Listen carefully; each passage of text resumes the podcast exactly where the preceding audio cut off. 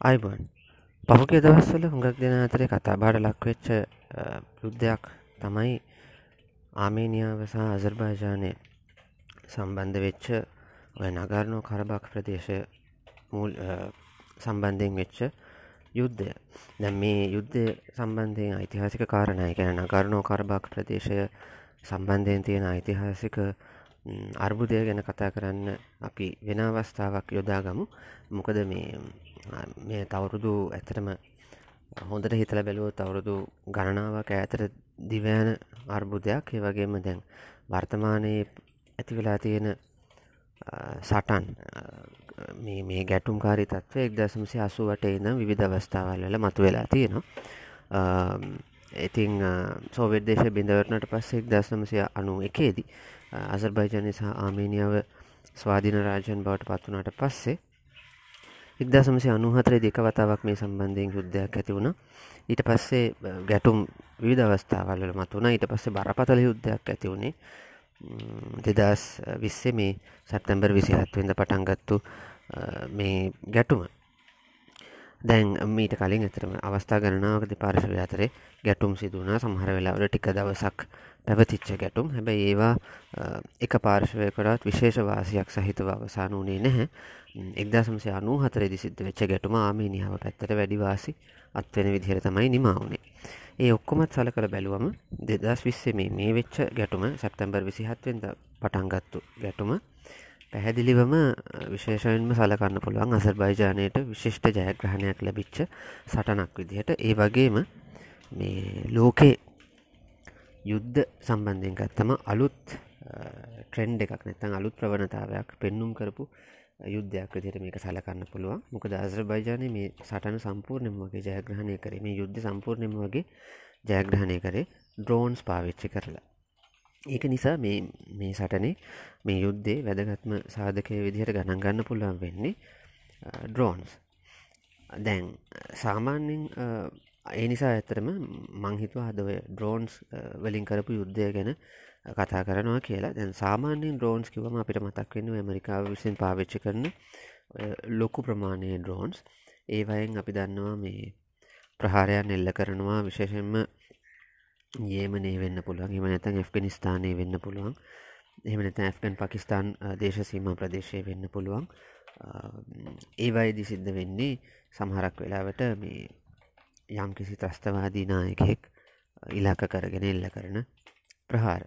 ඒවා ඇතරම ගොඩක් වියදම් සහිත ඩ්‍රෝන්ස් තමයි ඇමරිකානුවන් පාවිච්චි කරන්නේ. තමතර ඩ්‍රෝන්ස් පාවිච්චි කරනවා ඉරාණය සතුව ඩ්‍රෝන්ස් තියෙනවා. ඒවගේම ඉරානයේ ආධාර ලබන ඒමනේ ඉන්න හූති සටන්කාමීන් ඩ්‍රෝන්ස් පාවිච්චි කරන විවිධ අවස්ථාවල්ල විශේෂම සෞධ අරාභියාවේ ඉලක්කවලට පහර දෙන්න.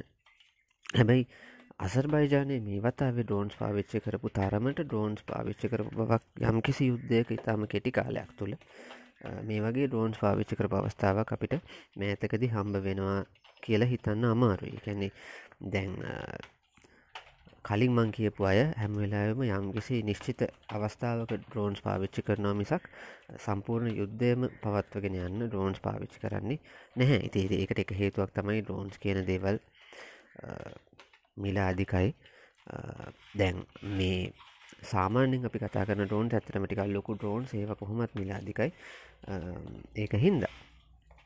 දැන් අසර්බයිජානය පාවිච්චි කරපු ඩ්‍රෝන් ඇතන අසර්බයිජානය ගැන කිවම අසර්බයිජානයට තෙල් සම්පත තියනවා. ඒ නිසා තෙල් සම්පතෙන් ඔවුන්ට ලැබෙන ධනය පාවිච්චි කරලා උන්ට පුළුවන්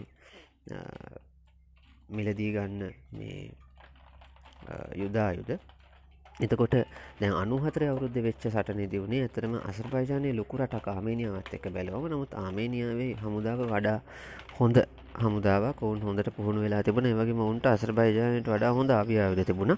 ඒ නිසා අනුහතර අවුරුද්ධෙති අසර්බයිජානය ඇතරම පසු බැස්ස ආමේනියානු ප්‍රහාරත් එක්ක. එතකොට අසර්බයිජානයට නිල වශයෙන් අයිති වෙලා තියෙන නමුත් ආමේනියානුවන් වැඩි වශයෙන් ජීවත් වෙන නගරනෝ කරබක් ප්‍රදේශය සම්පූර්ණයම වගේ ආමේනියනු ජනතාවගේ අතේ තමයි තිබුණේ. අනුහතර ඉඳලා ඒ ප්‍රදේශ ඇතර වෙනම ජනරජයක් විදිහට ඔවුන් ප්‍රකාශයට පත් කරලා තියෙන්නේ.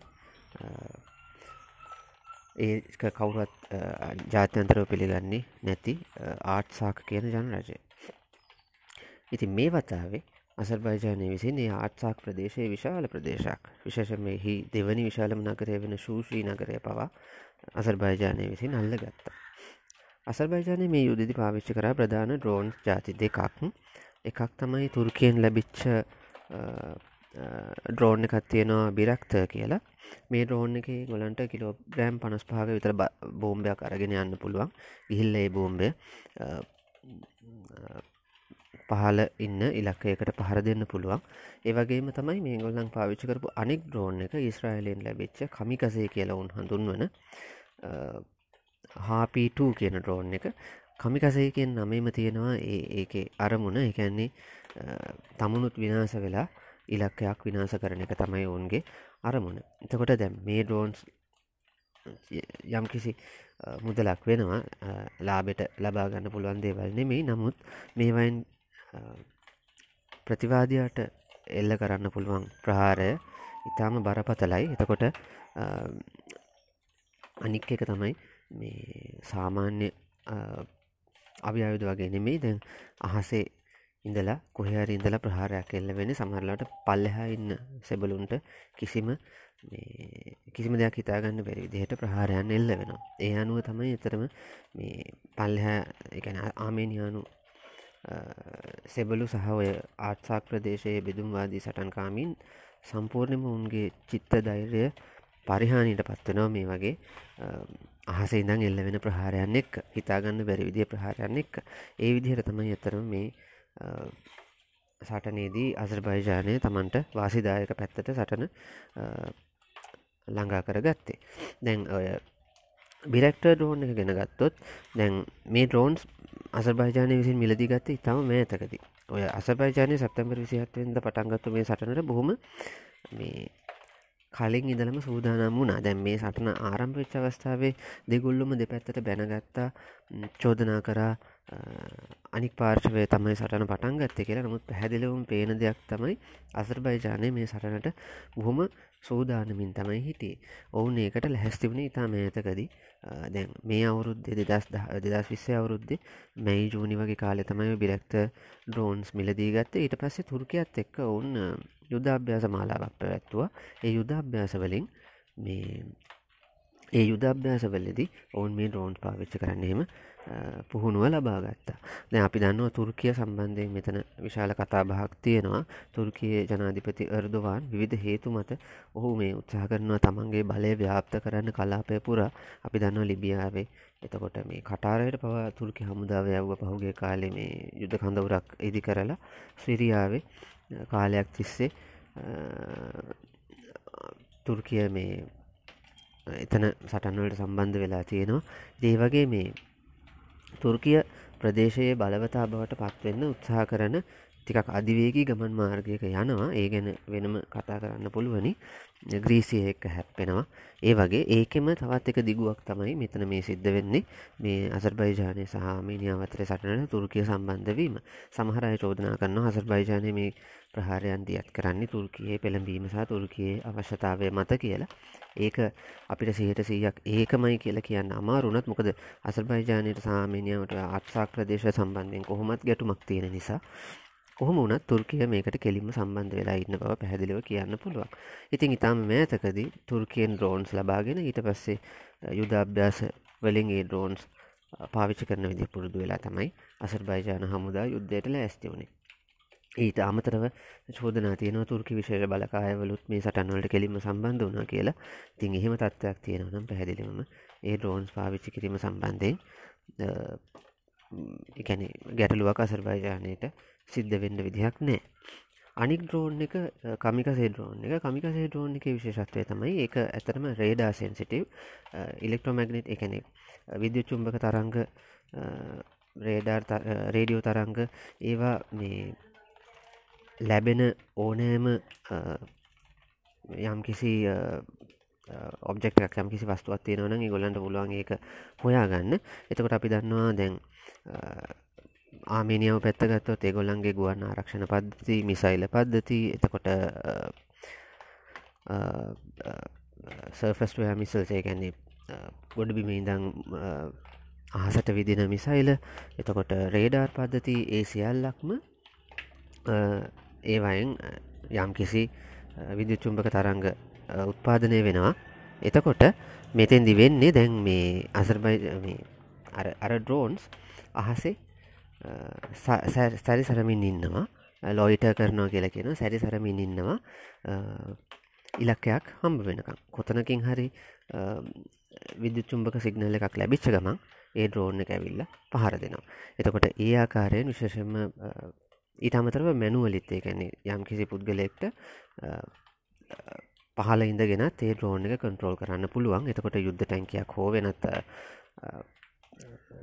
ඉලක්කයක් නිරීක්ෂණය කරෝතින් පහල ඉඳලත් අපි මේ දුරස්ථ පාලකයක් මගින් ඒක කන්ට්‍රෝල් කරන්න පුළුවන්. ඒකතකට ඔය කමිකසේ ඩ්‍රෝන් එක ඔටෝමටික් විදිහටත් කටයුතු කරනවා. තමන් ස්වයං ක්‍රියවත් කටයුතු කරනවා. ඊට අමතරව මේ පහල ඉඳං යම් කිසි පුද්ගලයෙක් විසින එක ක්‍රියාත්මක කරන්නත් පුළුවන්.